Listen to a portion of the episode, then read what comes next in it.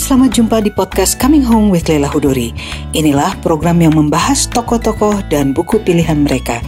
Di musim tayang yang keempat ini, kami juga mengundang para penulis yang berbagi tentang proses kreatif mereka. Program ini diselenggarakan oleh penerbit kepustakaan populer Gramedia, Gramedia Pustaka Utama, Kompas.com dan saya sendiri, Leila Hudori.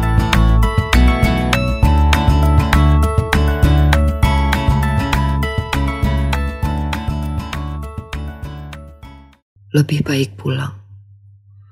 Aku tak ingin cari tahu di mana Jen dikuburkan. Lebih baik pulang. Lebih baik bersama Anjani Baira Cawir yang tak pernah terbang terlalu jauh. Dari pohon-pohon sederhana dan akar yang tak muncul di tanah. Dari garis yang dikoreskan arang. Mereka memperhatikan apa yang terjadi. Tiap kematian tiap kehilangan. Mata mereka tak kekal, terkadang terkejut, terkadang menemukan yang tiba-tiba. Siang malam mereka rapat di gawangan, dalam mori dan lilin, dalam warna yang kusiapkan dari bunga dan daun, dari yang tumbuh, dari yang tak tumbuh.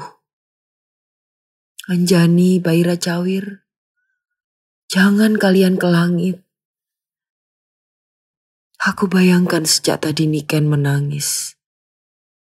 Kehilangan bapaknya.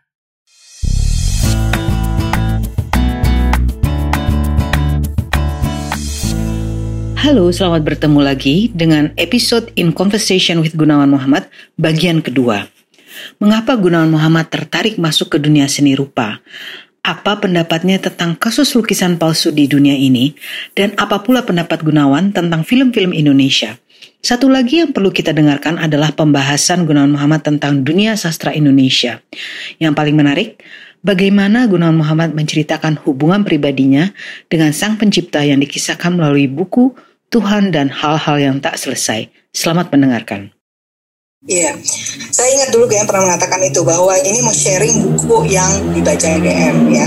Nah, tapi apakah sekarang di tahun 2020 uh, di abad 21 ini do you feel how far do you feel the difference between uh, catatan pinggir yang sekarang ini? Udah bukan dua kolom lagi udah satu halaman penuh dan tema-temanya dibandingkan dengan yang dulu. Kalau dulu kan saya perhatikan memang banyak sharing tentang buku yang dibaca. Ya, si ini ngomong begini, si Sars hmm. ngomong begitu. Uh, dibandingkan dengan yang sekarang, apa perasaannya, game perbedaannya? Sebetulnya dasarnya sama karena buku itu kan ideas, ide. Ya. Jadi yang saya ya. bicarakan ya. adalah ide, ide yang baru, ide yang sedang dipertengkarkan di hmm. di dunia ini dan itu yang mengisi catatan pinggir. Problemnya adalah memang ini kan sudah berapa tahun ya saya nulis? Wah, ya dari tahun 71. Eh, enggak, enggak, enggak, enggak. Enggak, enggak ya? Enggak, enggak. dari tahun 70 berapa ya? Saya Pokoknya setiap minggu itu. Ya, itu kan. itu. Itu kan tiap kali kan saya ingin baru ya. Saya kira saya jarang mengulang atau ada juga mungkin. Hmm. Dan itu dengan adanya banyak informasi memang memberatkan. Uh, bagi saya makin berat karena pertama ada beberapa hal. Pertama mungkin pembacanya berbeda. Iya. Kalau saya di tahun 70-an, eh, tahun 80-an, hmm. berbicara mengenai hmm, uh, jenderal hmm, uh, apalah, mengenai nyoto atau jenderal kan nggak perlu diterangkan. Orang yeah. masih tahu. Sekarang kan harus diterangkan. Iya. Yeah. Sekarang ini saya pernah kaget waktu di Tempo bahkan. Hmm. Orang tidak mengerti apa itu PSI, Partai Sosialis Indonesia. Karena generasi ya, mereka, nggak kenal. Mereka tahunya PSI yang sekarang. ya itulah problem. Ini akan makin problem karena generasi, gap generasi itu besar. Makin besar kan? Betul. Saya makin yeah. tua. Uh, jadi saya harus meng, kan kalau diterang-terangkan saya sendiri bosan menerangkan. Hmm. Jadi saya, saya misalnya bicara soal Nah, misalnya Trotsky atau hmm. Musso atau Trotsky atau Syahrir atau Dr. Cipto Mangunkusumo itu kan hmm. sekarang harus diterangkan banget. Nah untuk menerangkan itu kan tidak menarik. Jadi prosa itu terhenti menjadi juru penerang. Itu problem. Lebih problem lagi karena diterjemahkan. Yeah. Diterjemahkan itu Yeah. kita menghadapi dua audiens yang berbeda. Kalau Iya. saya menulis untuk orang Indonesia, karena saya menulis untuk orang Indonesia, maka uh, Dr. Sutomo nggak perlu saya terangkan. Tapi kan Iya. dalam versi Inggris, Jennifer Lindsay yang menerjemahkan harus menerangkan mungkin. Iya, pakai koma, Enggak. then terus dia bilang. Enggak, dia tidak melakukan itu. Tapi sekarang saya harus berpikir tentang audiens itu. Saya nggak Iya. bisa itu. Sekarang saya agak terus terang agak pegel kalau diterjemahkan itu karena saya harus memikirkan audiens yang lain. Akhirnya saya putuskan nggak peduli lah, saya nulis untuk orang Indonesia. Dan kalau generasi ini tidak tahu ya, tolong cek di Google. Google aja. Ma- Mas saya kan nggak akan bisa menerangkan orang ngerti Tan Malaka tapi kan Murba nggak akan ngerti. Bahkan kemarin malam saya ketemu orang yang lahir setelah reformasi. Iya, Masa- banyak itu sekarang. Ya, nah, saya, nah itu bagaimana kita bicarakan represi pers? Nggak mungkin, nggak tahu. Berat sekali. Hmm, karena generasi baru ini ingin tahu tapi juga pengetahuan itu terbatas. Nah, saya tidak bisa menduga pengetahuan mereka. Kan kita menulis dengan asumsi ada satu pembaca ideal, pembaca yang kira-kira tidak terlalu asing bagi apa yang kita katakan. Jangan terlalu asing tapi jangan terlalu familiar juga. Nanti bosan. Nah, itu yang harus Kalau di dalam satu halaman memang sulit kali ya, sulit untuk aduh harus menjelaskan. Tapi kalau misalnya ketika game bikin eh, Tan Malaka, itu bisa kan sebetulnya, iya kan? Ya, begini. Ketika bikin, Saya misalnya nulis soal Bertolt Brecht. Itu bisa Oke. 10 halaman di, di buku tapi. Tapi di, Ya. di tempo, bayangin.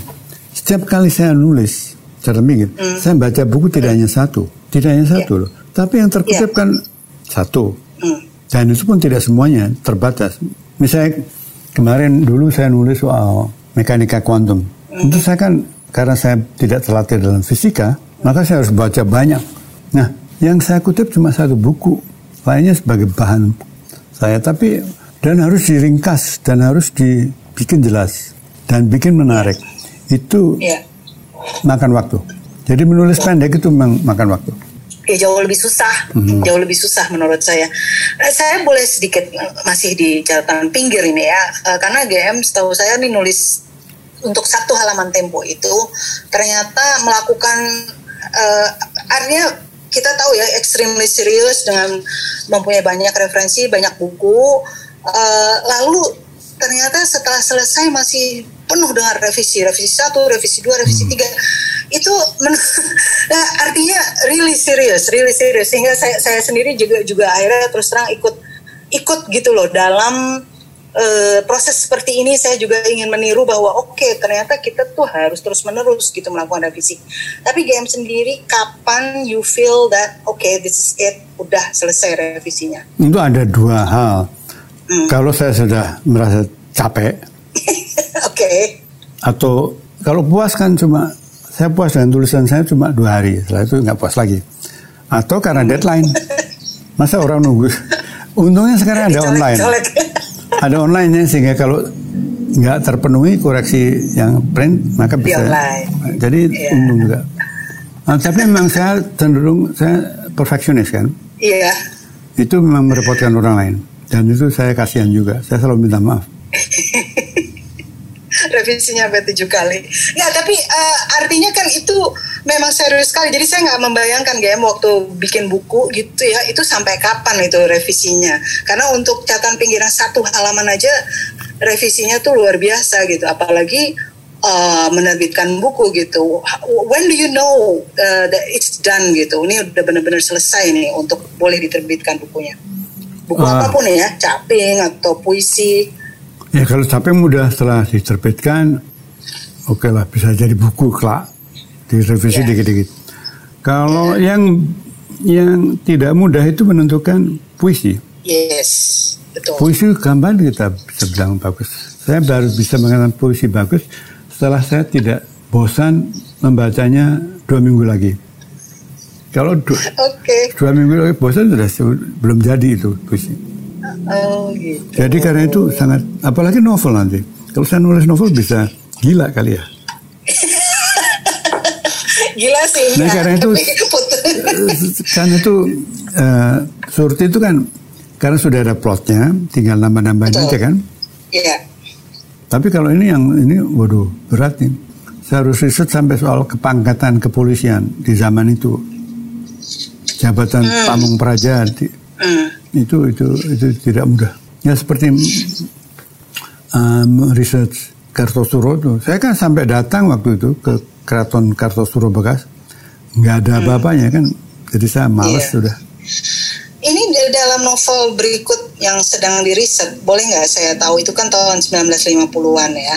Uh, GM ikut meriset gaya bicara mereka nggak? Karena saya curious karena kan biar bagaimana kalau udah 50 tahun lebih atau entah 20 tahun lebih aja gaya bicara uh, gaya bicara kita tuh udah berbeda gitu. Ya itu problem dari pro, problem dari teater ya kalau gitu dialognya kan harus seperti orang benar karena itu hmm. saya, saya agak problem dengan itu. Mengapa saya menuluh lebih banyak karena hati-hati. Nah, kalau hmm. kalau tentu saja bahkan orang sekarang memakai kata Anda. Iya. Anda itu baru berlaku di Indonesia tahun 60-an. 60-an, betul. Sebelumnya bapak, saudara, bung, kamu. Bung. Ya. ya Misalnya betul. begitu. Uh, ya. Beberapa uh, tentu harus diperhatikan banget. Dan ya. karena itu lucu sekali kalau kita membaca novel novelnya Tagir misalnya, hmm. Gurta Azura, itu menurut saya novel konyol ya. Uh, Azura, aduh, udah lama banget. Itu ada kata-kata Anda, jadi ngomong sama pacarnya. Anda, jadi kayak ngomong sama kayak iklan aja. Saya mencintai Anda, gimana itu? Karena dia berasal dari bahasa asing kan? Iya, iya. Nah, saya lihat di terjemahan film itu di televisi saya nonton itu kadang-kadang yeah. bagus ya kadang-kadang kan kalau di uh, di bahasa Inggris kan you I jadi bapaknya bilang sama anaknya I you mm. you itu diterjemah bagus bapak atau bapak yeah. itu itu bagus menurut saya karena peka pada perbedaan pada perbedaan kita hmm. Karena kita nggak mungkin ngomong Anda kepada ayah yeah, kita gitu yeah. kan. Oke, okay, let me ask you this. Kalau misalnya seseorang menulis ya, penulis entah siapa gitu menulis Indonesia sebelum namanya Indonesia ya, di abad di awal abad 20 gitu ya. Itu gimana? Kan kita nggak bisa terlalu persis dengan bahasa Melayu yang digunakan saat itu. Kita kan audiensnya sekarang adalah pembaca Indonesia gitu. What's your idea atau suggestion untuk mendekati dengan gaya bahasa zaman itu tapi tetap enak dibaca oleh pembaca sekarang? Nah, tergantung niat kita kalau mau novel yang realistis ya harus sama-sama harus sama dan oh, itu kan tidak ada problem di novel-novel Amerika mengenai black kan, kan cara ngomong orang black yang kadang-kadang kita hmm. paham novel-novel hmm. Inggris mengenai pidgin English di London juga begitu hmm. Hmm. Uh, Perancis apalagi uh, Perancis problem karena bahasa lisan dan bahasa tulis agak kayak kita beda banyak. Hmm, beda. Hmm, jadi harus dilakukan meskipun tidak mungkin sempurna ya, tapi at least ada flavor, flavor ah, dari okay. dari semua flavor itu. Dari itu mungkin harus belajar kembali membaca novel-novel Tionghoa tahun uh -huh. 20-an tuh misalnya. Atau nah problemnya novel-novel Tionghoa itu kan bahasanya plastis dan mungkin dipakai untuk zaman itu kan cuma di kalangan Tionghoa Indonesia. Iya, yeah, iya. Yeah. Sementara Gak. sementara novel di balai pustaka menghilangkan itu. Jadi novel bahasa Indonesia itu balai pustaka itu artificial dan itu bagaimana me, me, mengatasinya? Kalau buku Sidul Anak Betawi itu kan pakai bahasa Betawi dialognya. Iya. Nah itu bagus, tapi misalnya saya nggak tahu Siti Nurbaya apakah dialognya seperti tahun 20-an saya tidak tahu bagaimana saya tahu. Iya, saya akhir-akhir ini membaca kembali karya-karya Balai Pustaka karena itu di take over sama KPG sebagian ya, nggak semua. Itu saya sulit loh bacanya. Uh, saya baca uh, karyanya Nur Sultan Iskandar, kemudian ada karyanya Marah Rusli yang juga di take over sama KPG sulit saya membacanya karena buat saya itu hmm. Melayu gitu bahasa Indonesia yang awal. Lama sekali saya bacanya itu. Tapi I had to read it. I had to finish it. Uh, problem lain dari Jadi, balai pustaka adalah hmm. itu editornya hmm. Nur Sultan Iskandar itu ya. me, hampir merewrite semua naskah. Oh pantesan mirip ya. ya mirip. Nah itu itu problem. Uh, juga seleksinya kan tidak selalu bagus. Bahwa ada balai pustaka syukurlah. Tapi karena itu ada novel Medan. Yang mungkin lebih menarik untuk dibaca bahasa Indonesia. Hmm. Barangkali untuk mengerti bahasa Indonesia zaman itu pakai novel Medan yang disebut roman picisan itu. Ini saya mau masuk ke uh, seni rupanya GM. Jadi GM ini beberapa tahun terakhir juga masuk ke uh, seni rupa, ilustrasi dan juga melukis. Uh, ini juga saya akan tanya hal yang sama, mengapa tertarik ke uh, seni rupa Begini, waktu yang... saya kecil kan Kartono dan hmm. saya ini dianggap jago-jago menggambar di kelas. Oh gitu, oke. Okay. Jadi saya ini diramalkan mau jadi pelukis. Oh. Sebetulnya ya kemudian ya waktu itu ngapain pelukis itu apa sih? Pokoknya melukis, nggak tahu. Apalagi orang tua saya masa mau jadi pelukis anaknya. Yeah. Nah, jadi tidak saya bersyukur. Tapi kemudian kan saya selalu mungkin Laila tahu saya kalau ada rapat kan saya bikin sketch. Iya. Surat-surat. Uh. Dulu saya pernah juga tinggal bersama Sanggar Bambu dan Danarto. Dulu saya dekat dengan Danarto. Satu, satu. Mulyadi gitu. Iya Mulyadi. Ya. Mulyadi oh, Danarto wow. di bawah Narto PR. Oh, yang di itu di Perdatam itu. Yang, yang di, di mereka di Pasar Rumput. Pasar Minggu. Pasar Rumput. Oh, later on mereka di pasar minggu di Perdatam. Anyway, terus terus. Ya, ya itu kan sebenarnya saya nggak terlalu asing. Kemudian kan hmm. saya kenal Arif Budiman. Arif Budiman kan sebenarnya dia ikut dalam seni rupa juga. Hmm. Arif itu yang memperkenalkan saya dengan Nazar Zaini. I see. Okay. Dan Arif lebih maju di dalam pengalaman seni rupa daripada saya. Hmm.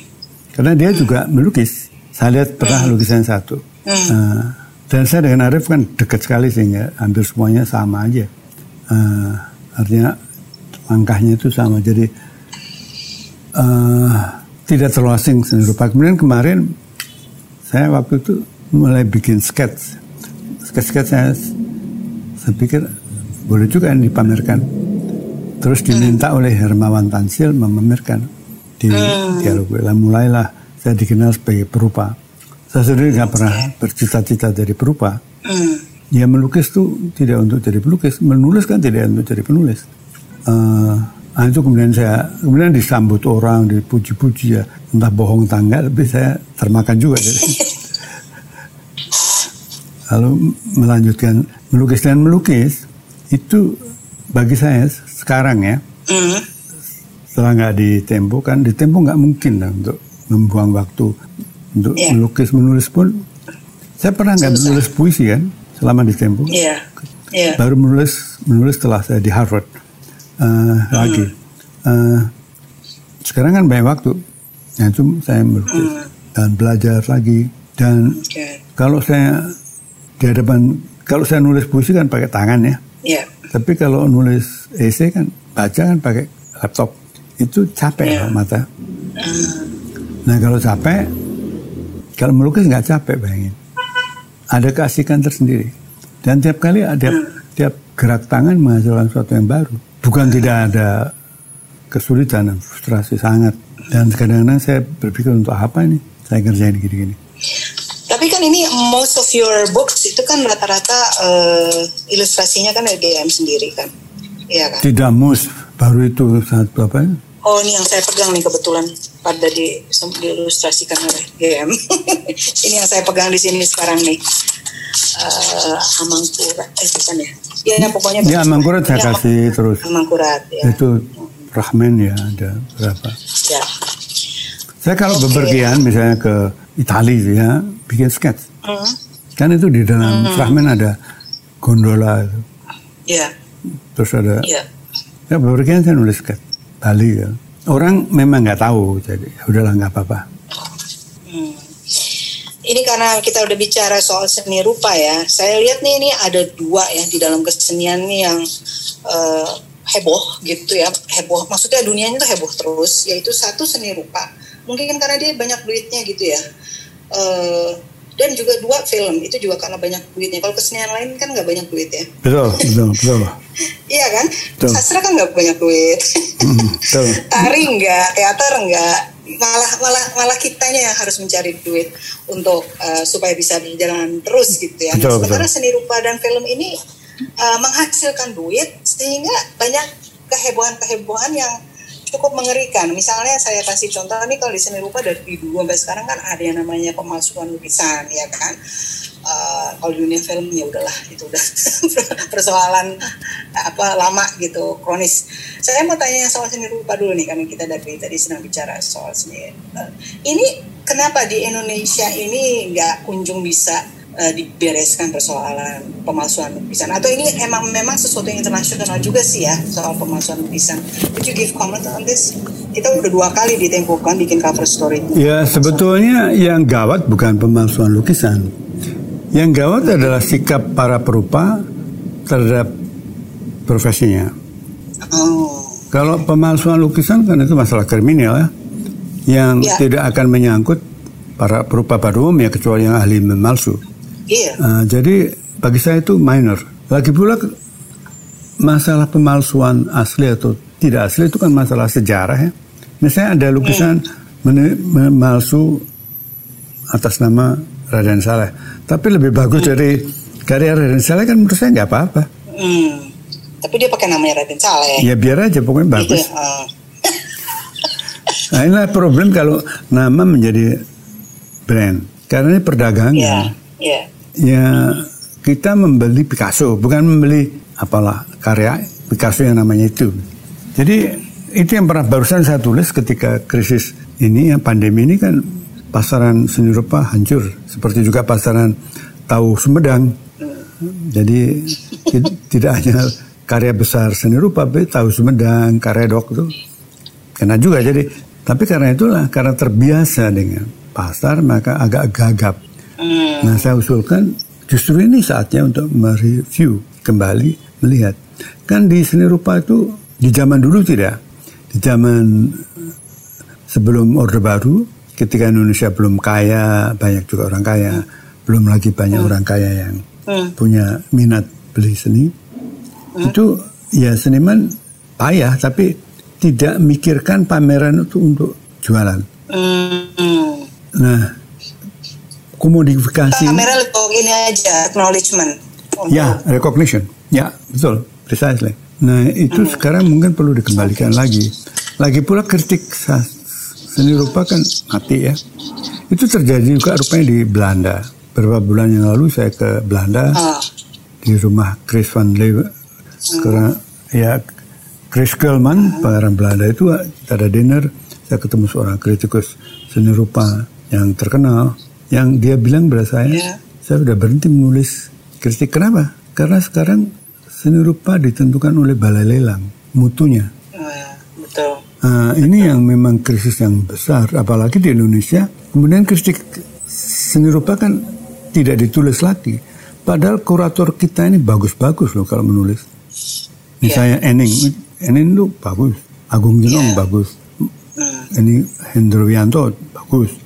Bagus. Nah itu kalau menulis kan sayang itu nggak diterbitkan karena juga nggak ada penerbit yang mau. Kompas kan yeah. Tempo kalau resensi seni rupa ya hanya reportase. Karyanya ada 12, ini warna ini, warna itu, aliran ini, aliran taek. Tapi nggak dibahas ada apa. Ini karya ini bagus apa enggak? Nggak berani bilang bagus atau tidak. Uh, karena memang tidak qualified dan sebenarnya bisa qualified kalau dia belajar terus nulis dengan segala kesalahan. Tapi nggak ada. Nah, maka medium untuk menyalurkan kritik seni tidak ada, mati. Saya pernah usulkan dalam satu pertemuan dengan sejumlah seni rupawan, kenapa hmm. nggak iuran? Kan para seni rupawan itu kaya-kaya. Kaya-kaya. Ya, umum, tidak semuanya tapi um, banyak yang kaya. Umumnya ya ya. ya umumnya. Yang udah yang udah berhasil, yang udah ya, ya. berhasil. Ya. Itu kan kalau iuran setahun 200 juta itu bisa. Itu bisa menerbitkan satu jurnal seni rupa yang bagus ya. Tidak tergantung dari iklan dan macam-macam. Nah, tapi tidak disambut karena mereka juga nggak butuh kritik. Para seni rupawan tidak butuh kritik. Merasa tidak butuh kritik. Ya, karena Sebetulnya butuh. karena ya yang menentukan adalah pembeli kolektor. Balai lelang. Nah, mudah-mudahan Ya. sekarang berubah. Kemarin saya tulis di Jawa Post dan dapat sambutan ramai sampai hari ini. Bahwa mari kita tinjau kembali untuk apa melukis, untuk apa pameran. Nah, apakah pelukis begitu penting karya lebih dari karyanya itu?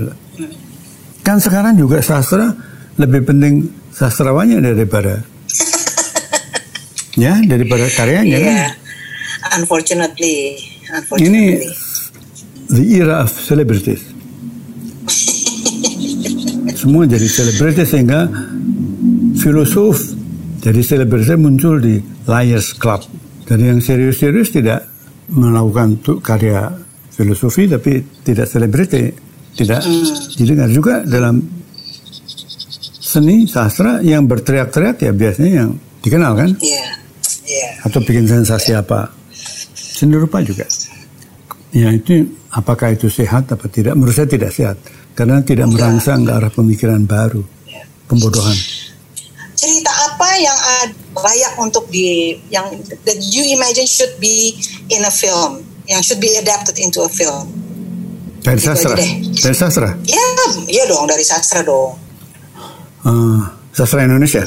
I- iya iya. Kalau yang pasti kan bukan karya takdir lah itu membosankan tapi misalnya jalan tak ada ujung dari Mukhtar Lubis itu bahan oh film iya yang itu bagus. sedang. Itu Sedang. sedang. Oh, iya? iya si Molly Surya jalan tak ada ujung. Dan seperti telegramnya Putri Jaya kan bagus tuh. Ah iya.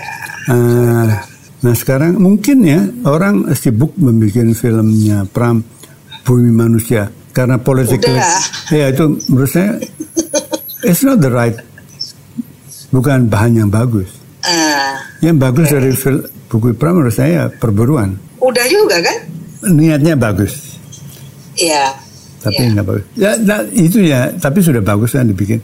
Tapi kan nggak usah dari asal ceritanya bagus. Saya Betul. kan suka Nggak nonton dari sastra Saya ku- nonton film Jepang yang kecil-kecil di Red Channel dari televisi. Itu sederhana-sederhana tapi bagus ya.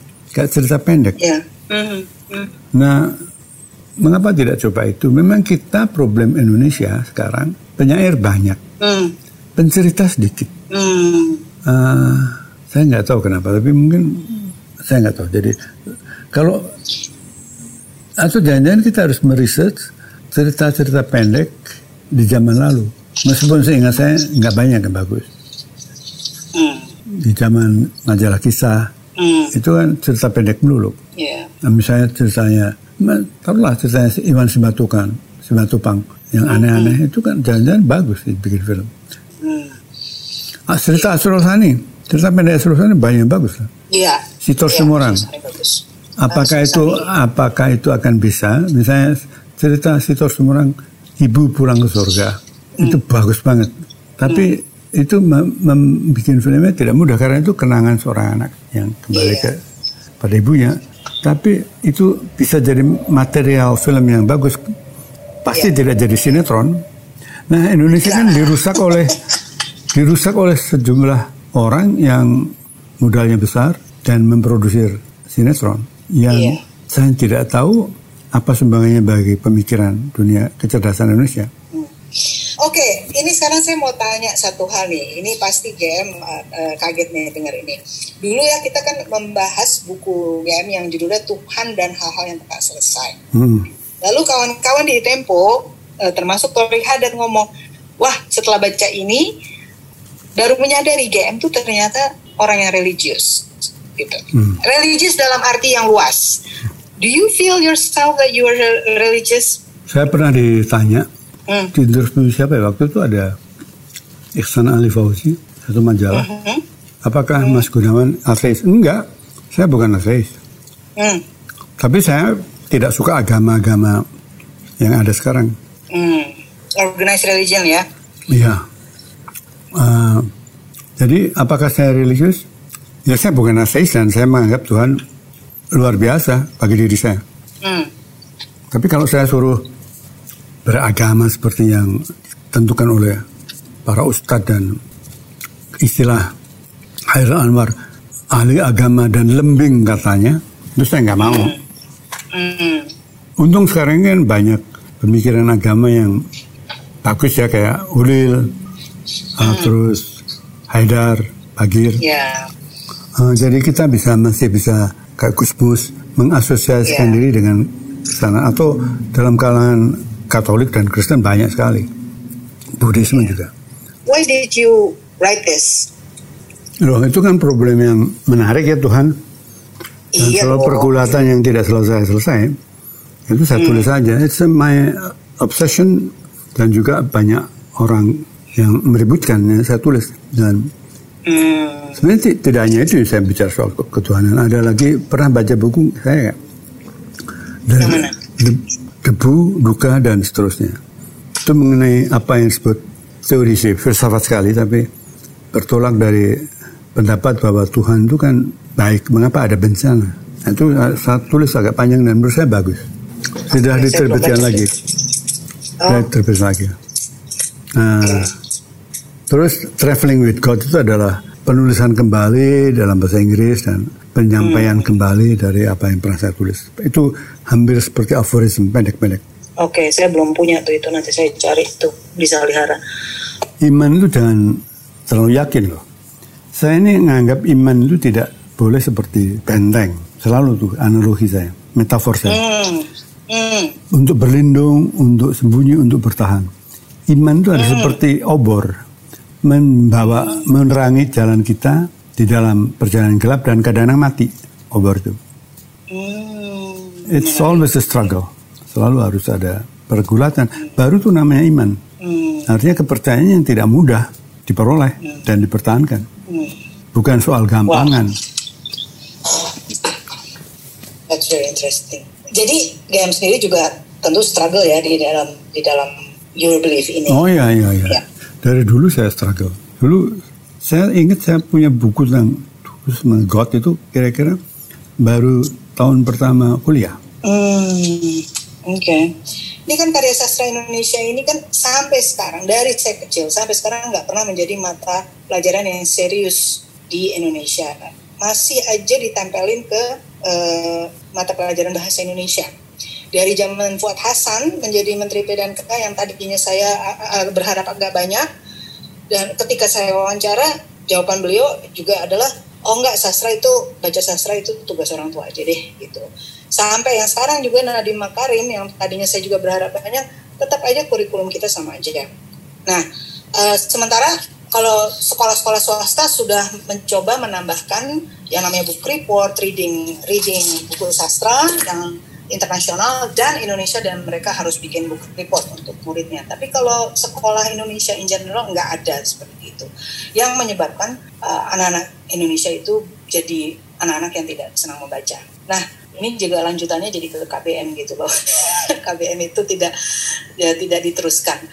Saya ingin tanya sama GM, ini uh, hal seperti ini nih kita nih mesti melakukan apa lagi sih? Kita udah dorong-dorong pemerintah, nggak ya ternyata nggak berhasil juga. What what what's your take on this? Saya kira tidak hanya sastra ya, seni rupa hmm. juga, kesenian pada umumnya oh, itu kan. Kesenian umumnya. Ini ideologi dari pendidikan Indonesia dan saya kira banyak negara itu yang utama itu sains. Yang yes. lain adalah tidak penting karena yang menyelamatkan dunia manusia itu ya sains katanya. Uh, tapi lepas dari itu memang memang bangsa ini membutuhkan sains. Jadi itu diutamakan.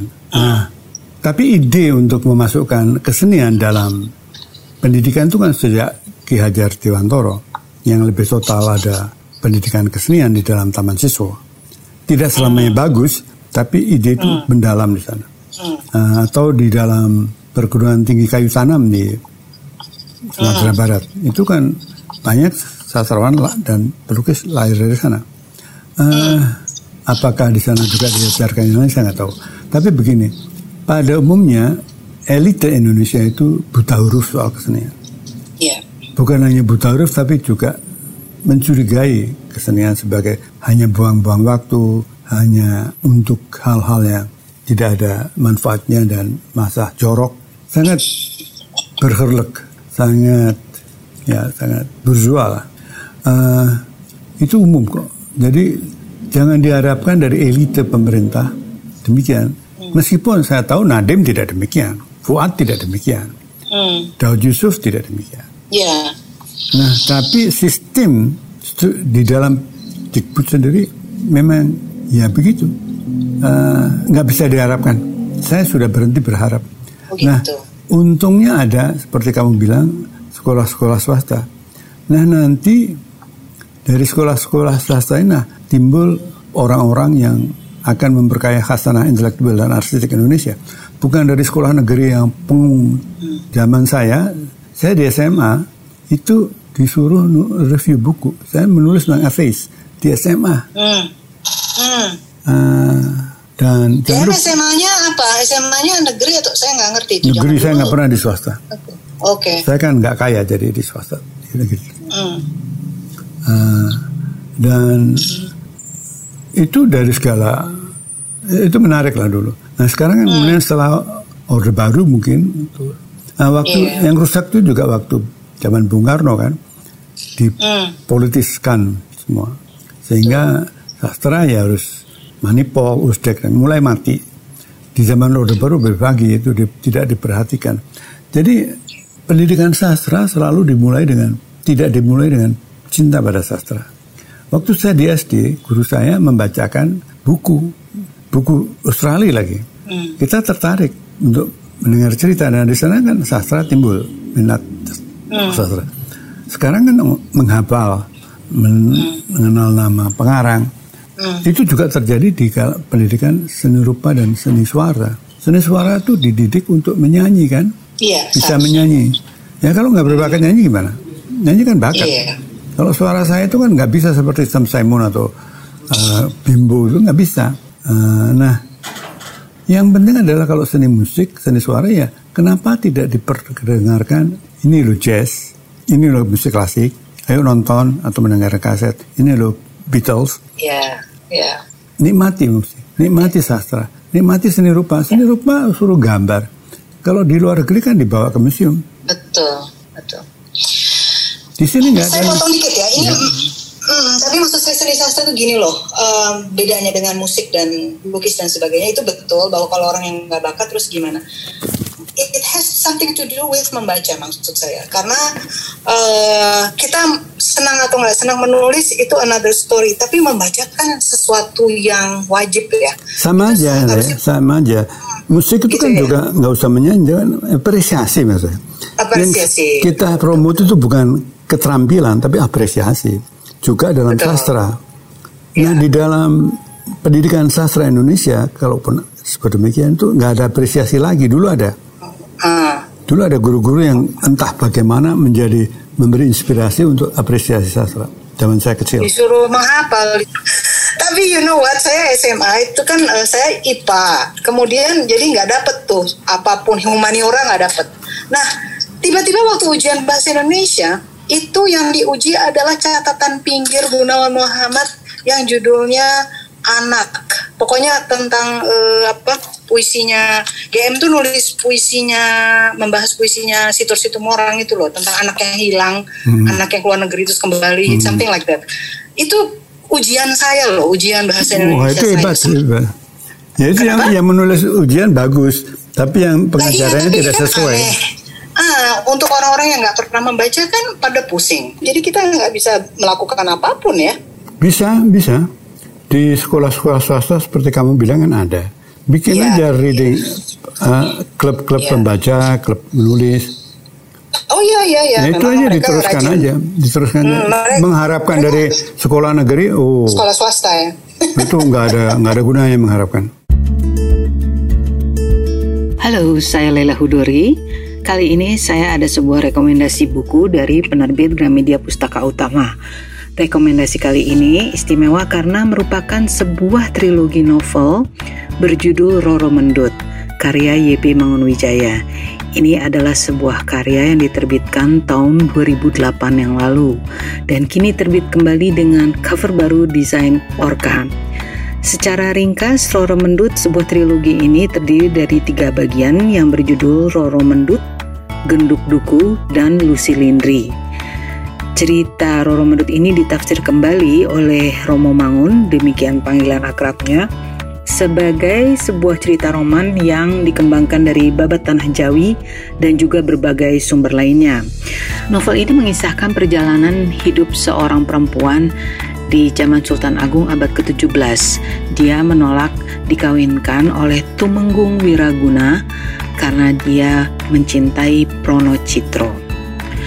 Trilogi Roro Medut ini bisa diperoleh di semua toko buku atau toko buku Gramedia. Bisa juga Anda memesannya melalui gramedia.com.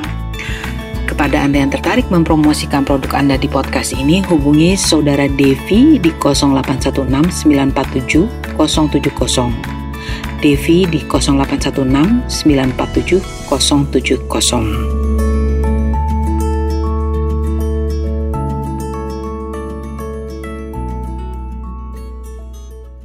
Oke deh, uh, ini sekarang saya mau masuk ke pertanyaan netizen. Ada dua ya. Yang pertama ini sebelum kita berakhir ya, ada dua pertanyaan. Pertama dari Ed Karul Aur. Bagaimana pendapat Pak GM tentang perkembangan sajak di Indonesia 5-10 tahun terakhir? Apakah menurut GM sudah ada inovasi baru uh, ataukah uh, mereka itu hanya replikasi yang sudah-sudah? Oh, tidak benar kalau replikasi. Banyak yang baru okay. sih.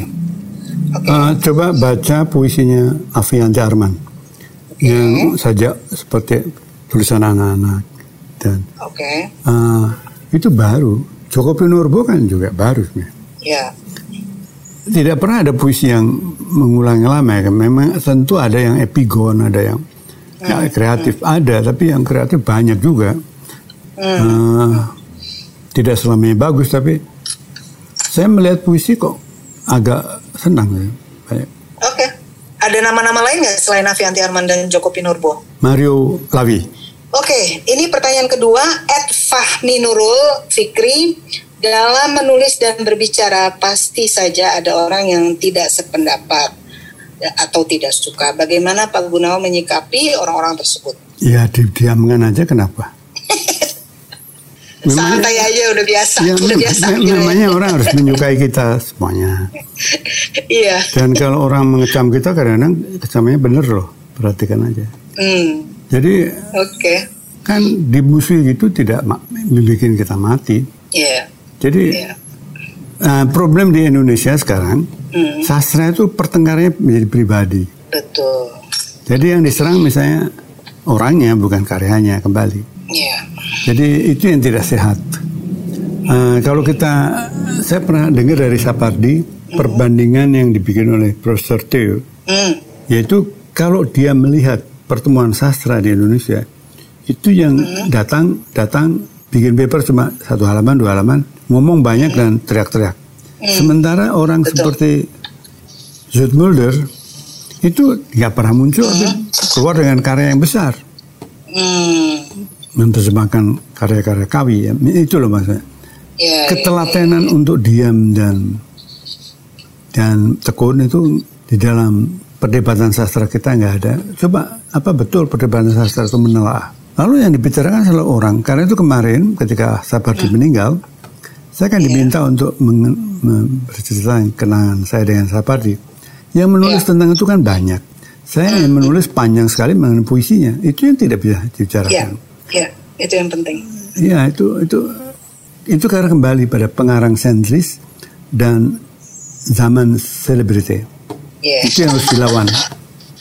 Nah, sebagai pertanyaan penutup karena tadi GM menyebut karya Sapardi, ini untuk pendengar yang lebih muda, orang-orang uh, karya-karya penyair seperti Rendra, seperti Sutarji, seperti uh, Subagio misalnya, ini kan bukan nama-nama yang terlalu dikenal oleh mereka. Ya mereka tahu, tapi tidak seperti halnya generasi saya mengetahui karya-karya mereka.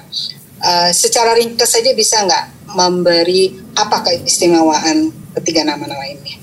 I mean, bukan namanya, karyanya. Itu dimulai dari sebetulnya dari Amir Hamzah, Hairul Anwar.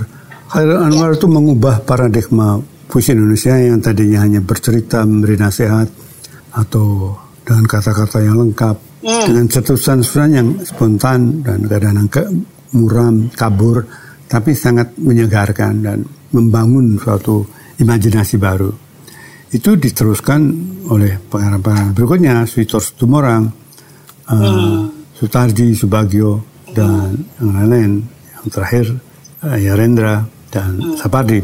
Jadi setiap oh, itu itu nama-nama itu karyanya memang tidak semuanya bagus, tapi yang bagus hmm betul-betul memberikan perubahan pada kita merasa oh ini yang baru ini memperkaya kita karena itu harus hmm. dibaca kalau diomongin begitu nggak ada ngerti mm. kan orang cenderung mengatakan kalau Sapardi maka aku mencintaimu dengan cara sederhana yeah. itu aja sehingga disangka yeah. itu disangka itu kata-kata Khalil Gibran tahu nggak ada satu kutipan di undangan perkawinan aku mencintaimu dengan cara yang sederhana Gibran. Kalau Gibran, iya. Aduh, nah, kacau. Nah, Rendra yang diingat hanya puisi protesnya. Hairil yang diingat juga aku binatang jalan. Aku. Hmm. Nah itu jangan hanya itu. Itu banyak Betul. sekali kekayaan karya Hairil. Jangan hanya melihat Hairil lalu satu label itu jangan dipakai. Kalau hmm. saya harus menasihati, baca, nikmati puisi dan jangan hanya puisi Indonesia Hmm. Karena dengan menikmati puisi oh, T.S. Eliot misalnya, kita bisa menikmati yes. puisi Sabardi dengan baik. Yes. Jadi kalau tentu saja ada puisi Joko Pinurba yang lucu, Avianti yeah. Arman yang sangat sederhana dan puitis, ada puisinya uh, siapa tuh yang Ma Mario Lavi dan Mario Mario Eflawi. Hmm. Uh, apa? Eka Kristi si apa Kian Santang misalnya ada berapa hmm. uh, di di hari di koran Tempo kadang saya lupa nama-namanya tapi kadang mengejutkan bagus hmm. nah problemnya kan mencari puisi itu susah ya karena tersebar banyak banyak karena hmm. banyak ya, itu. ya. oke terima kasih banget ini udah hampir dua jam nih kita berbicara nanti saya kirim linknya ke GM ya. Oke. Okay. Dengan pembacaannya Ina. Ya, saya dengar ingin. Ya. Nah, hmm. nanti saya saya kirim. Oke, okay, salam aja. banyak ya. Oke. Okay. Oke, okay, bye bye.